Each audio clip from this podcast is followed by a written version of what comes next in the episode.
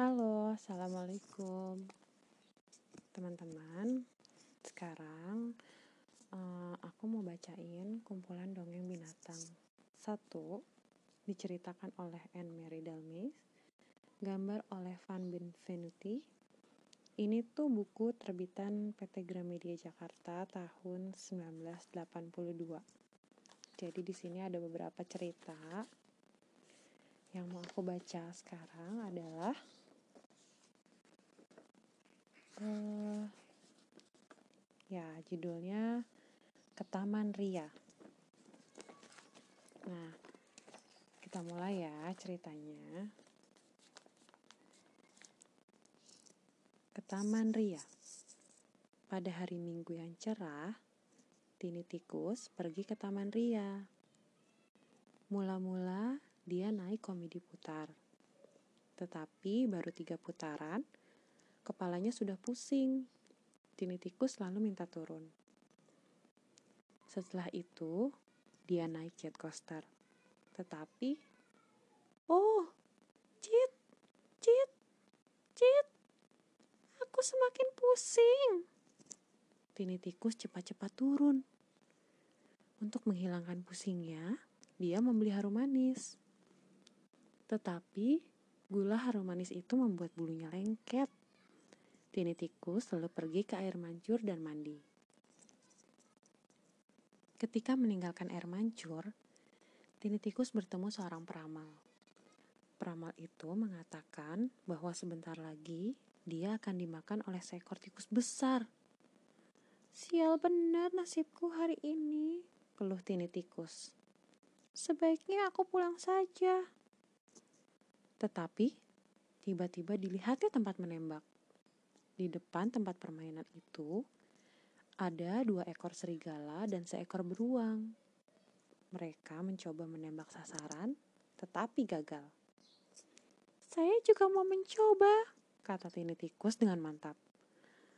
Beruang serta kedua serigala itu memandangnya terheran-heran. Tikus mau menembak, kata mereka. Mengangkat senapannya saja pun dia takkan kuat. Betapa jengkelnya Tini tikus mendengar ini. Tetapi dia diam saja. Dengan kedua kaki depannya dipegangnya senapan erat-erat. Lalu dia membidik. Dor!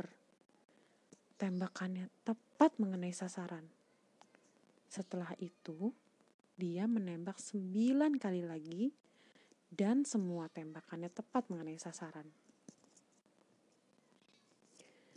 Betapa irinya beruang dan serigala ketika pemimpin Taman Ria itu memberi selamat kepada Tini Tikus.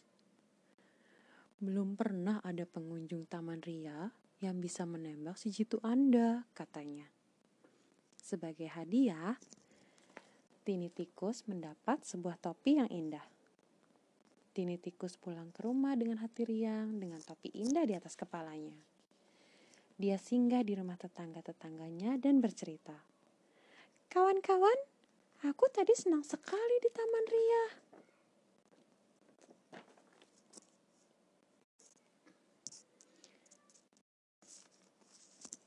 Assalamualaikum, halo teman-teman. Nah, sekarang aku mau bacain cerita nih. Ceritanya ini ada dari buku Kumpulan Dongeng Binatang 1, terbitan Gramedia, Jakarta, tahun 1982. Kita mulai ya. Roti panggang. Pak Beruang bangun kesiangan. Bekernya tidak berbunyi. Pukul 9 baru dia terbangun. Padahal kantornya, sebuah biro perjalanan, buka pukul 9 tepat. Pak Beruang terkejut ketika dia melihat jam. Dia meloncat dari tempat tidurnya, memakai celananya, lalu lari ke dapur. Tapi begitu masuk dapur, dia lupa kalau sudah terlambat. Diirisnya empat kerat besar roti, lalu keratan roti itu diolesinya dengan mentega. Setelah itu, dinyalakannya kompornya, diambilnya alat pemanggangnya, dan dipanggangnya rotinya. Nah, sekarang dia harus berhati-hati. Jangan sampai roti itu hangus. Nanti tak enak rasanya. Setelah roti itu kuning kecoklatan, diangkatnya roti itu dan ditaruhnya di atas piring. Pak Beruang tertawa lebar. Pasti rotinya enak sekali. Sekarang diambilnya botol madunya dari lemari dapur. Botol madu itu miliknya yang paling berharga. Jam berdentang satu kali. Pukul setengah sepuluh. Tapi Pak Beruang tidak mendengarnya. Dengan hati-hati, dia mengolesi roti panggangnya dengan madu. Hehehe.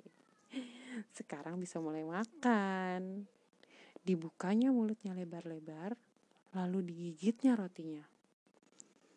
Hmm, bukan main enaknya. Rotinya tidak terlalu keras dan tidak terlalu lunak.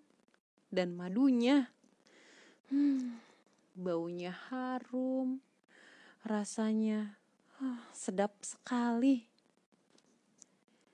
Jam berdentang lagi, pukul sepuluh kurang seperempat.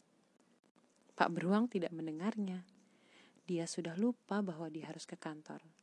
Yang diingatnya cuma roti panggangnya saja. Mungkin kalian mengira Pak Beruang itu kurus sekali ya sehingga dokter menyuruhnya makan empat kerat roti besar tiap pagi. Kalau begitu kalian keliru. Pak Beruang gemuk dan sehat sekali. Tapi dia memang tukang makan. Dia suka sekali makan enak. Setelah menghabiskan roti panggangnya, Pak Beruang menyimpan kembali botol madunya. Nah, sekarang dia mulai beraksi. Dipakainya jasnya, diambilnya topinya dan tasnya, lalu setengah berlari dia berangkat ke kantor. Dia berjalan secepat mungkin, dan 10 menit kemudian dia tiba di kantornya. Di depan loket, antrian binatang sudah panjang sekali. Mereka sudah sejam lebih menunggu Pak Beruang. Tentu kalian mengira, setelah kejadian ini, jika bangun kesiangan lagi, Pak Beruang akan bergegas ke kantornya Hmm, kalian keliru. Pak Beruang tetap tukang makan.